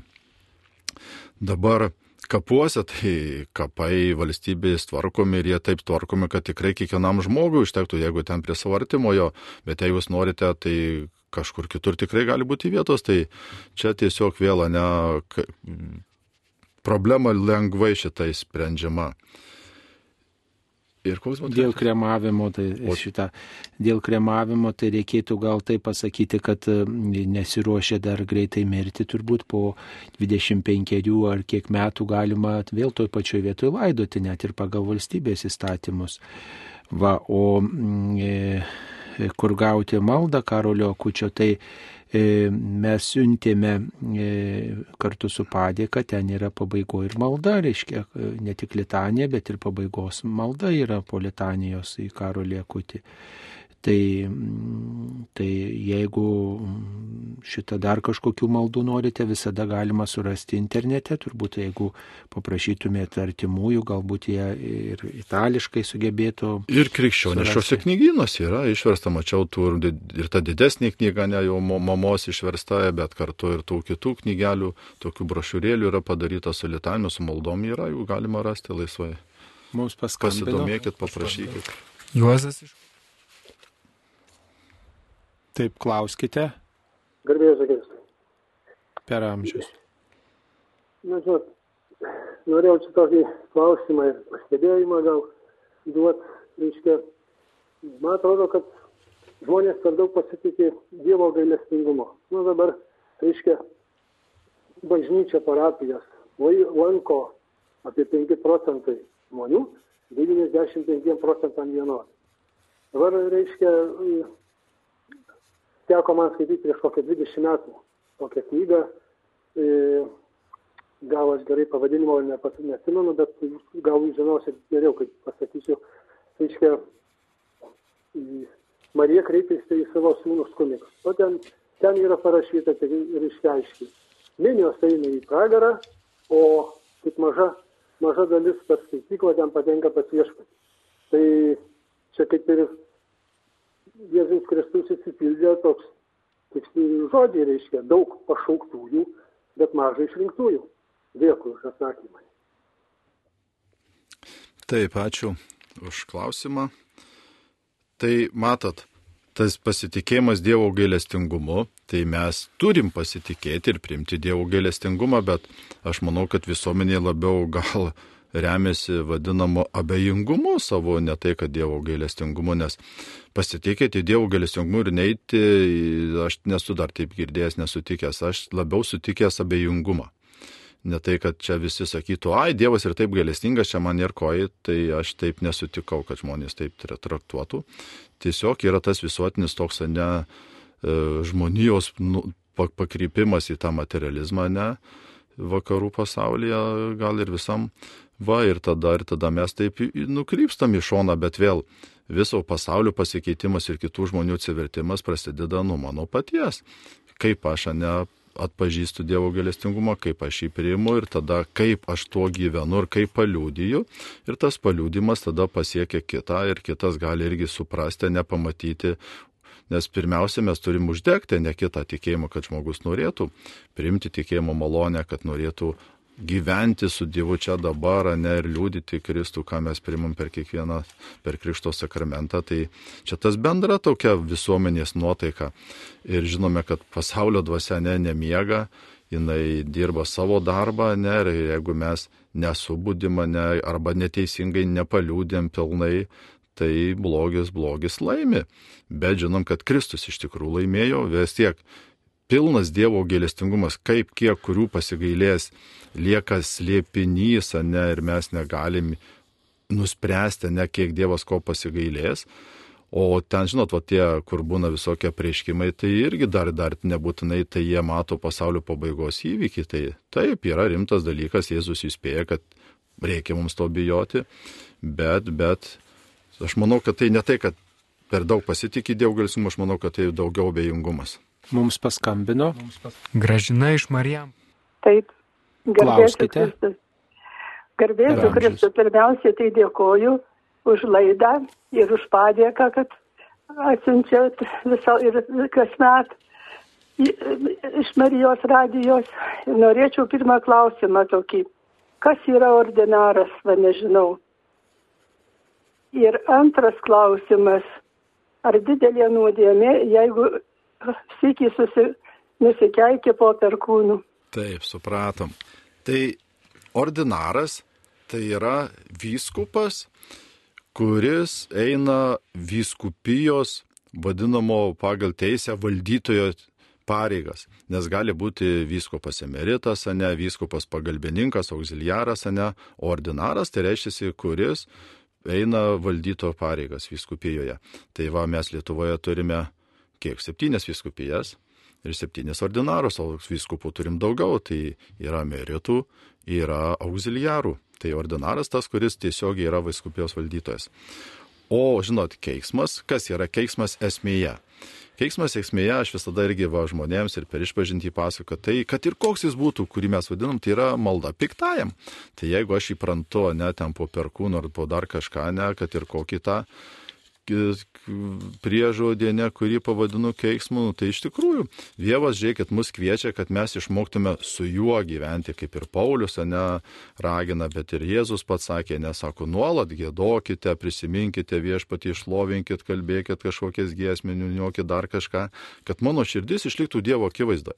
Tai žiūrėkit, kai mus ištinka kažkoks sunkumas ar dar kažką, aš turiu pirmiausia sakyti, viešpatį, duok man kantrybės, duok man stiprybės, duok išminties, kaip pasielgti.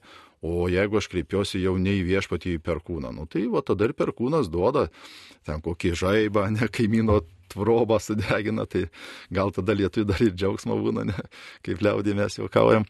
Bet esmė, kad mes išmoktume su viešpačiu būti, supranta, tada dėkojam, prašom, maldaujam ir taip toliau. Ir tada mūsų gyvenimas visai kitaip juda, mes kitaip pat turim tą atramą, tikėjime Dievą, Dievu remiamės.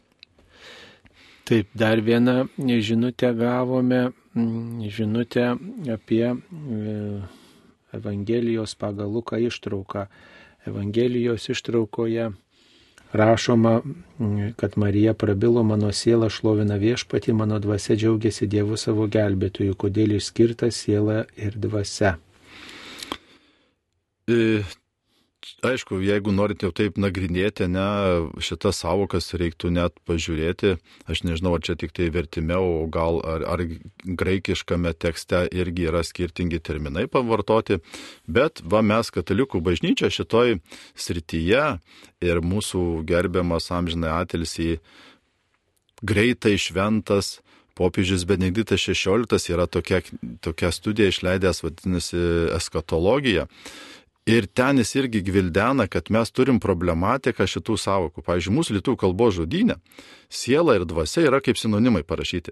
Teologijoje, jeigu griežtąją prasme mes žiūrėtume, pavyzdžiui, kaip Tomas Akvinietis nagrinėjo, ne, šiek tiek tą Aristotelio tokią filosofinę kryptį ėmė, tai yra tie skirtumai. Net ir giliai, ne šitam hebrajų tekstuose irgi yra skirtumai tarp sielos ir dvasios. Tai, bet čia jau reiktų, kada galima sutarti, ne padaryti tokią studiją, net kokią katechezę, gal ne vieną, ne ciklą, kad tikrai iš tikrųjų išnagrinėti. Bet esmė, ne, kad Marija sugeba visą savimi šlovinti viešpatį, va čia ta buvo noras, ne, o, o, o visa kita jau čia reiktų tuos kalbinius ir kultūrinius skirtumus, nes šiek tiek čia jau susiduria, aš ir va, kai žmonės lankau, sakau, žiūrėkit, mūsų tikėjimas durėmės, rytų mąstymas ir vakarų mąstymas. Ir kol mes jį išgvildenam, kol atpažįstam tą visą gelmę, tai užtrunka. Taip, mums paskambino. E, ar kas nors iš mūsų kardinolų, turiu galvoje Lietuvos kardinolų, dalyvavo naujo popiežiaus rinkimuose? Kokia tikimybė, kad mūsiškis kardinolas ateityje kada nors gali būti išrinktas popiežium? Ir, Aišku, e, supratom. Tai kad mūsų kardinolas, kuris nors būtų išrinktas popiežium, jokios tikimybės, nes jie jau neįtelpa į tą e, vadinamą teisės lauką, kad būtų renkami popiežiumi. Tas amžiaus cenzas yra šiek tiek uždėtas. Taip, o, o renkant Benediktą XVI dalyvavo, dalyvavo mūsų kardinolas Audrys Juozas Bačkis. Tai va, tai tikrai turi, turėjo, buvo ta, ta, ta istorinė akimirka, kai ir žmogus iš Lietuvos štai vyko rinkti popiežiaus ir turėjo teisę balsuoti. Galim melisti, kad bažnyčia paskirtų mums lietuvių kokį jaunesnį kardinolą, va tada galės papulti į konklavą, ne, ir bus tikimybė. Dabar tikimybės nėra. Taip, dabar dar viena žinutė. Mm, prašau paaiškinti grigališkųjų šventųjų mišių prasme ir naudą mirusiajam. Tai čia yra pasilikęs, ne, šiek tiek iš mūsų bažnyčios, ne, istorijos archyvo, galėtume sakyti, ne, iš paveldo ta tradicija, kad užmirusį norim, kad pasimelstų kiekvieną dieną, ne va tas būtų aukojamos mišios. Tai, tai ir yra tokia, ne, ir ypatingai ten jau kaime, jeigu ne sugeba kunigas, kur neturi intencijų, žmonės nesako, vausi prašym, tai kad tiesiog sutarė, ne, kad kiekvieną mėnesio dieną bus ta intencija melžiama. Tai 30 dienų, žodžiu, ta prasme. Taip, tai tik ta, ta, ta ir yra nauda, kad mišioką nepadėkojam ir prašom gailestingumo. Bet, bet galima ir kitaip, tai tiesiog galime patys melsis, galim, tai ta, tokia ir nauda. Mišios yra didžiausia nauda, Kristus mus visus išganė, atpirko, tai yra nepamainoma nauda. Mums paskambino. Mums paskambino. Regina iš Biržų. Garbėzui Kristui. Per amžius. Ne, neklausti, bet paprašyti norėčiau. Aš porą kartų girdėjau per Marijos radiją, nu gal kokius tris kartus, nepaprastai gražiai gėdojo ukrainiečiai. Ir tiek vis laukiu, galvoju, nu gal dar kada nors, iki ašarų graudina tos jų melodijos, tas daugiabalsiškumas, tas, žinot, akapela gėdojimas nu nežinau, galvoju, kodėl taip ne, nepanaudoja tokias gražias gesmes, ypač šiandien, kada tiek daug klausiančių žmonių, nu tegul pasigroži e, tom ukrainietiškom gesmėm. Ir ypač, kada duodat tarpuose, nu, mūsų lietuviškas gesmes, nu galėtumėt kada nors paskirti ukrainiečiams. Neįmanoma taip. Ačiū už pasiūlymą, tikrai pabandysim atsižvelgti. E, dar viena žinutė, ką galima nusinešti į mirusiojo metinės tai pirmiausia, nuolankę širdį, kad jau metai ne e, dėkoti viešpačiai. Vėl žiūrėkit, kas, kas yra mūsų šita mirusių prisiminimas, ne, va, tas vadinamas 30 diena metinės, kad iš tikrųjų atsisveikinant su mirusiaisiais, su netektimi ir psichologijoje, ne, mums reikalingas išgėdėjimas, ne, ir tas, va, ta, tiesiog ir gedulo šiek tiek drabužį laikomis, ir to rimtumo laikomis, tos tokios netekties, tai mums psichologiškai yra svarbu iš tikrųjų palydėti ir atsisveikinti su artimuoju. Tai irgi va, kad aš jau viduje neščiau va tą pilną atsisveikinimą, ne, kad iš tikrųjų jau, kaip pasakyti, pradėčiau gyventi, ne, nes kartais būna, kad žmonės, ne, va, lankau, ateinu, jau kokie penki metai, dar žmogus nesugeba apsikabinęs nuotrauką verkia, nu tai sakau, kodėl tu nesugebi išgėdėti. Tai irgi, pavyzdžiui, labai su, su išgėdėjimas yra svarbu ir pats palaidimo būdas. Pavyzdžiui, aš va, kai bendrauju su žmonėm, tai užkliūva man, va, tas jeigu numirė ne, ir dar net su karstu nepašarvojo, tik sudegina, tai pastebėjau, kad urna neleidžia išgėdėti. Matot, kai vis tiek mes matome mirusio palaikus, kažkaip kitaip tas atsisveikinimas, tas išgėdėjimo procesas prasideda. O kai staiga, žinai, žmogus tik prapuolė, tu net nematai ir matai tik tai pelenų dėžutę. Tai, nu, vas sunkiau tas išgėdėjimas tai metinės, kad jau mes užtvirtintume, kad tikrai kiek reikia, ne tą išgėdėjimo procesą mes atlikome ir atsinešame tą tokią laisvą, pasitikinčią širdį, kad aš jau melžiausi, nepalydėjau, O jeigu čia klausėte, ar ten reikia kokį kažkokį nešti, ar ten gėlę, ar žvakę, tai čia laisvai, nuo kiekvieno priklauso, ką norėsite nunešti kaip atminimo ženklą. Pavyzdžiui, tekia matyti Prancūzijoje metinių progą, jie net tokias akmeninės lentukės kažkokias išrašo su paminėjimu, papildomai ant, ant, ant kapo uždeda. Tai nu, kiekviena šalis turi įvairių savo tokių papročių, tai mes turim paprotėlę net nešti žvakę, uždegti dar kokią vieną žiedą, įdėti į vazytę, tai tą ir atnešam, o svarbiausia, kad atnešti va tą vidinį džiaugsmą, vidinę nuostatą, ar jau turėti tą tam tikrą šventų bendravimo patirtį. Jeigu yra mišios aukojamos, tai kad galėtume priimti šventą komuniją, prieiti iš pažinties ir tikrai atvirą širdim priimti viešpatį, tai turbūt tokia bus e, dovana ir jums, ir taip pat pagerbimas ir to mirusiojo, kurį, kurį, kuriuom linkime Dievo artumo. Dar apie kremavimą ir urnas. Toks klausimas. Laidotuvių dieną karsto į bažnyčią nepriima, o kodėl priima urnas, nors bažnyčia prieš kremavimą.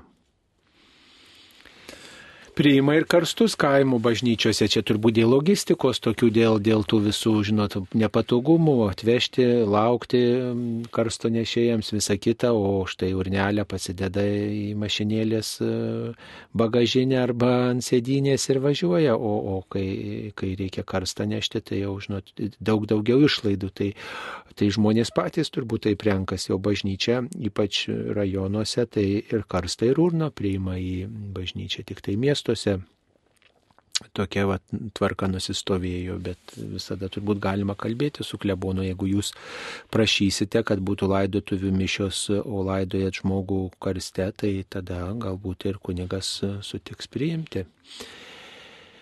E, kitose šalyse tėvais vadina kunigus ir vienuolius, o pas mus kažkodėl tai neįprasta. Kodėl?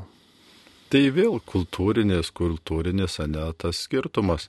Aišku, Jėzus, ne viena mokymė, sako, turite vienintelį tėvą, jūs esate visi broliai, bet istorijoje yra tų tokių, ne, kad va, jezuitų mes draugijos, ne, tos, galėtume sakyti, juos vienuoliai, bet jie tada juos ne vienuoliai, o tėvais vadinama, ne.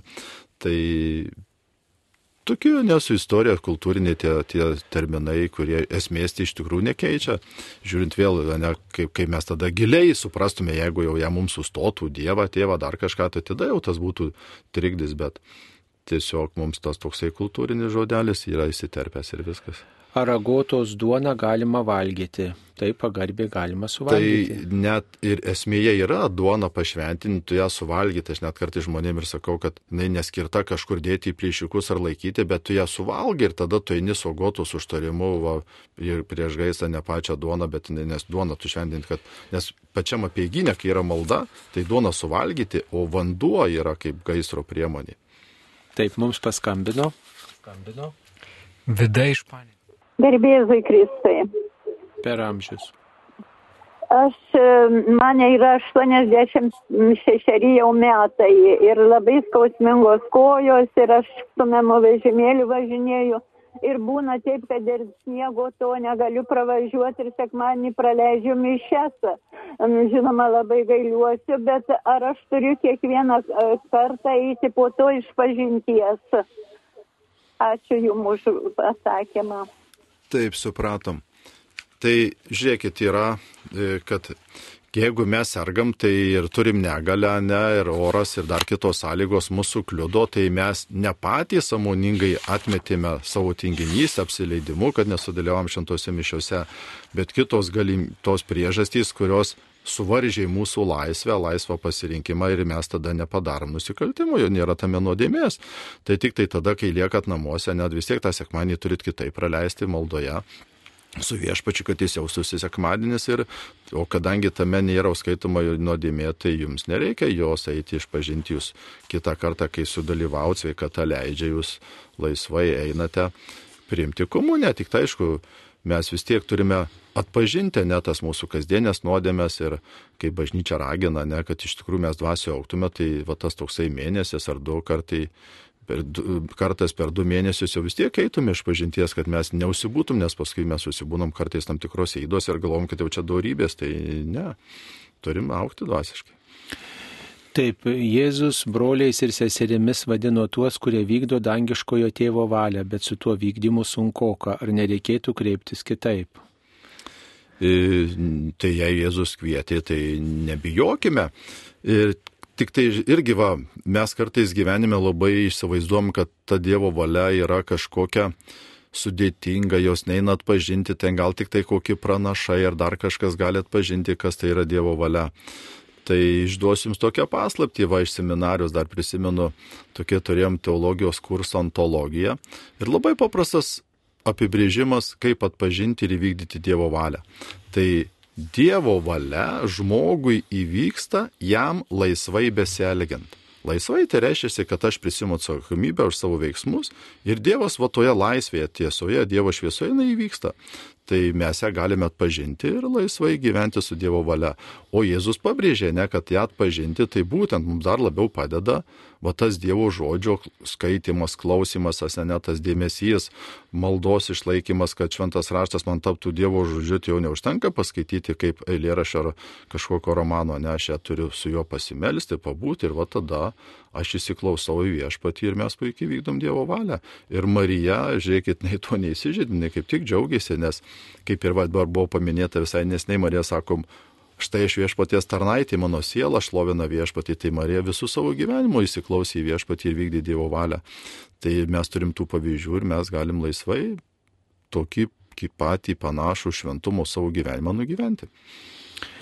E, taip, dabar dar viena, e, dar viena žinutė. E, mane domina, ką reiškia septynių žvakių pastatymas ant Dievo stalo, kai kada stovi keturios plus trys skirtingose pusėse, trys plus viena plus trys iš šonų ir viduryje, kai kada tik trys ar viena, ar tai turi kokią reikšmę.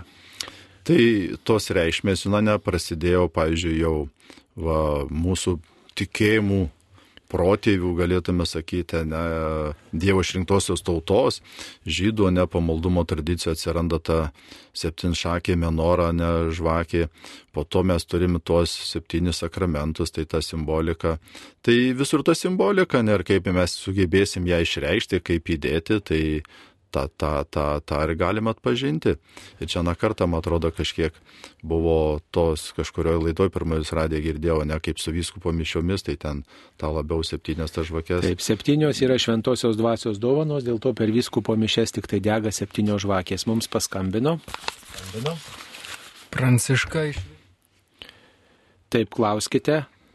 Garbėjai Zukristai per amžius. Aš norėčiau paklausti, Lasdynų bažnyčioje, Sapočkos bažnyčioje, tai galima užsakyti amžinasias mišes.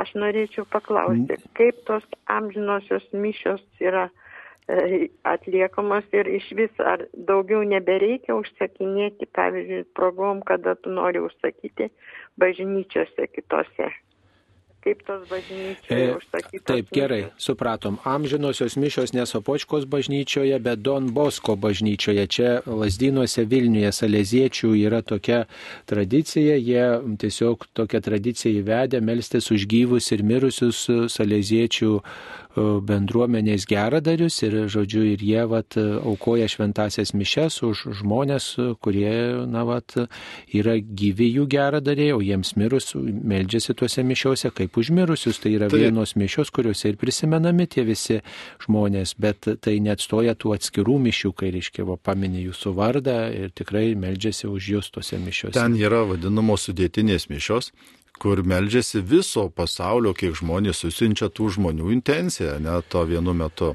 Tai ir tada, kadangi visada jie sako, mes tose mišiuose visus tuos žmonės prisiminam užtatės pavadinę tokiu žodžiu amžinos, tai, žinot, tai nereiškia, kad čia jau dar kažkokios išskirtinesnės, jos tiesiog yra visuotinės sudėtinės.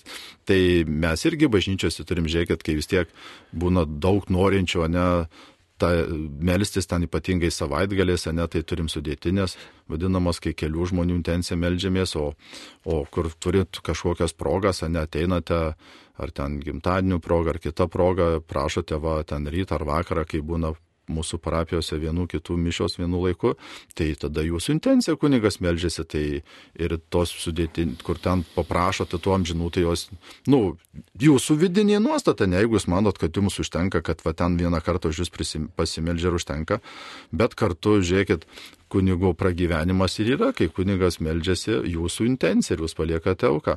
Tai jeigu jūs visam gyvenimui į priekį ir, ir paliekate vieną intenciją ir galvot, kad to užtenka, nu tai jūsų tokia nuomonė. O jeigu galvojate, kad galima ir dažniau pasimelsti ir paukoti, tai kunigas mielai pasimels ir kitų, kitų progą, kitų atveju. Ar galima eilinį vakarą kalbėti šventosios dvasios litaniją? Taip, galima kalbėti ir eilinį vakarą maldas, kurios jums atrodo tinkamos. Ir rytą galima, va Jonas Paulius II, popiežius šventasis, jis ryto maldą visada pradėdavo kreipimus į šventąją dvasę. Tai sveikintina, šaukimės kuo daugiau šventosios dvasios. Taip, gal žinote, kur galima gauti interviu įrašus su kunigu Česlovu Kavaliausku. Tai yra mažosios studijos padaryti įrašai, jų laidų archyve galime surasti tų įrašų. Ir kai būna va minima Česlovo Kavaliausko mirties metinės, tai visada mažoji studija, bent jau pastebėjau keletą metų iš eilės, jie vis leidžia tų archyvų, ne vienus kitus ten tuos pamokymus, galime jų išgirsti. Gal galėtumėte plačiau paaiškinti žodį atpirkėjas? Va, tai kas yra atpirkėjas, ne? Tai galėtume sakyti ekonomiškai mes kažkur kažkam įskolinti, įsiskolinę, ne, ir už mūsų sumoka. Tai dabar kur mes kam įsiskolinam, tai per nuodėmę mes ne tik, kad įsiskolinam, mes tampame vergais. Nuodėmės ir reiškia piktojo vergais ir kad mes iš jo pabėgtume, jis taip lengvai mūsų nepaleidžia.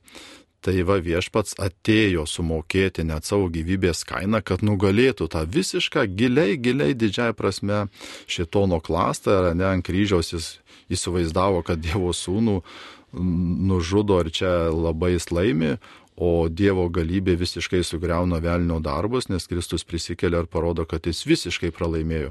Ir va šita Kristaus aukos kaina už mūsų mokėta, užtat jis vadinamas atpirkėjų, nes sumokėjo už mūsų savo gyvybės kainą, ar kaip Paulius rašo, ne, kad Jėzus ne tik apiplėšė save palikdamas Dievo, reiškia tėvą, tą dievystę apiplėšė tapdamas žmogumi, bet jis sako, dar tapo tarnu ir dar daugiau, nusižemino iki kryžiaus aukos, va ta kokia kaina, ne kad Dievo sūnus prima žmogaus prigimti, tada tarnauja dar ir tada dar iki kryžiaus aukos, tai va kokią kainą už mūsų mokėjo ir štat jisai atpirkėjas, ir kartu mus taip išperka iš tos mūsų vergovės, išlaisvina.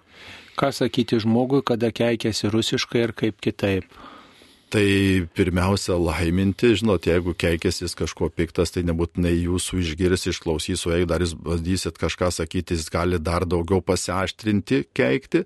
Tai va palaimintas Jurgis Matulaitis, viešpats, ne ar pa, pa, Paulius, mus moko blogį, nugalė gerumu. Tai tik vienas receptas, kaip galima nugalėti blogį. Jeigu į blogį atsakysime, blogis tik padidėja. Tai va ieškoti to gerumo progų, būdų O šventoji dvasia, va, kaip čia minėjom, vėl gali mums apskleisti, išskleisti, kaip daryti tą blogį nugalėti gerumu. Kai Zacharijoje atsirišo liežuvis, jis užgėdojo, kad viešpats aplankė ir atpirko savo tautą. Ar jis čia nenusigėda, nes atpirkimo misiją atliko vėliau gimęs Jėzus? Tai žiūrėkit, kaip ir Marija kada bus paimta į dangų, ne, kada va, tas irgi teologija, žiūrėkit, Dievo motina, nors jinai gimdo Jėzų tik tai kaip žmogų, tai va, tas atpažinimas Dievo malonių į priekį, va čia irgi tas yra pranašystės dovana. Suprantat, gimsta Jonas, kurio misija bus parodyti Mesiją ir kur jau kūdikiai buvo susitikę, kai Marija aplankė Elžbietą, ne, O jau Zacharijas, manau, turėjo pakankamai progos pamastyti apie visus šitus įvykius, kai jį angelas aplanko šventyklą, kai aukoja smilkalus ir nepatikė, jau jam buvo ženklas, kad jis tampa nebyliu, po to grįžta namo ir vis dėlto išsipildo, ką angelas sakė, jo žmona Lisbieta pastoja, tada žiūrėkit Damarijos apsilankimas. Aišku, Evangelijose daug neprirašo, bet žiūrėkit vis tiek, aš manau, kad Zacharijas kartu dalyvavo, matė, kaip moterys susitiko, ką jos kalbėjosi, kiek Marija visokių įspūdžių parnešė, tai jau jo širdis buvo pasiruošusi pranašauti Dievo išganimą. Taip, iš kur atsirado Dievas, tai koks klausimas. Dievas Va. tiesiog yra, neturi pradžios ir pabaigos, jis esantysis. Tai toks klausimas kaip ir nu jis neturi atsakymo, ne, Dievas tiesiog yra, neturi pradžios. Nes jeigu atsirastų, tai reiškia, yra kažkas, iš ko atsirado. Arba ne? buvo laikas, kada tai, jo nebuvo. Čia tik tai, žinot, va, pat, pat, pat, pati Dievo savoka yra mūsų žmonių sa, sa, su, suvokimo savoka, ne? Dievo esmė jinai visai kas kita ir kai mes nužengsim į amžinybę, šiek tiek Dievas mums leis pamatyti jo tos esmės vis palaipsniui. Tai palikim tą atpažinimą jau amžinybėje, o čia ieškokim tų būdų, kuriuos galim čia dabar atpažinti, reikim į tą bendrysės santykį ir tada Dievas mums padės patirti. Na tai Dievas yra, net ir Aristotelis yra pasakęs, tas pirmasis judintojas, pirmoji priežastis, iš kurios visa kita atsiranda, o jis pats neturi tos priežasties, dėl kurios, pirminės priežasties, ne dėl kurios būtų, jis pats savo pakankamas. Kodėl padarius gerą viskas atsisuka blogiu, nebesinori daryti gerą, nes pats lieki atstumtas, paniekintas, o tai labai skaudu, nerandi pagodos netikėjime, o Dievas atrodo tyli. Štai kaip žmogus nusiminęs. E, tai nebūtinai nusiminęs, tai žiūrėkit, jūs galite tą atpažinti, kad jūs darot gerą darbą, darot kovą, blogį nugalinti gėriu ir piktasis, žiūrėkit, niekada nesidžiaugia. Jėzus ateina gimti žmogaus prigimti, prima, kad žmonės atpirktų kaip šitonas su juo pasielgia, ne, sukursto tautą, žmonės romėnuose, ne, tokia gėdinga mirtimi patyčia, išdavystė ir taip toliau numiršta. Tai, tai už kiekvieną gerą darbą, žiūrėkit, egzorcistai gali jums kiek papasakoti, kai jie atlieka maldavimus egzorcizmo, ne, tada net kartais patiria tokius įvairiausius fizinius reiškinius, kaip šitonas keršia. Tai už gerą šitonas niekada nesidžiaugia ir jisai ieško būdų, kaip apkeršyti. Bet jeigu, žiūrėkit, mes darom gerą, ir palaikom maldos gyvenimą, nedvasinį gyvenimą, mes galim sugebėti atsispirti tam blogiui. Jeigu mes einam reguliariai iš pažinties, primame sakramentus, turime tą ryto vakaro maldą, laiminame, tai mes tą atpažįstame kaip tiesiog mūsų natūralų šios žemės kelionės kovos būdą Ir mes tik džiaugiamės, Jėzus sako, mane perskirius persikos, džiaukitės, ne va pat iš tų Jėzaus laiminimų, laimės linkėjimų ir palaiminimų, ne tas paskutinis. Džiaukitės ir būkite linksmi, kad jūs dėl mano vardo persikioja. Tai va, jeigu mes darom iš tikrųjų gerus darbus kartu dėl Dievo garbės, tai džiaugsmas. O jei dėl savo kokios puikybės, nu tai tada čia kitas klausimas. Taip, ačiū kunigė Jonai, kad jūs dalyvavote šioje laidoje. Štai ir Danutė iš Kuršėnų dėkoja už paaiškinimus, ypač už tikėjimo stiprinimą. E, šioje laidoje dalyvavo kunigas Jonas Cikana iš Kibartų, prie mikrofono buvo ir aš kunigas Saulis Bužauskas. Būkite palaiminti visiems tvirto, drąsaus ir ištvermingo tikėjimo. Taip, ačiū, ačiū ir jums, kad taip aktyviai klausėte buvo va nenuobodu, galėjom spėti atsakinėti. Ir vis noriu dar kartais vis pasakyti, kad nebijokit, nes šita laida yra klaus drąsiai, ne? Ir kaip sako, nėra blogo klausimo, tik blogas klausimas, kuris neužduotas. Tai užduokit klausimus, ieškokit, tikėjime to šviesos ir ateis, aplankys mus Dievas duos. Ačiū visiems su Dievu, Dievo palaimos. Sudė.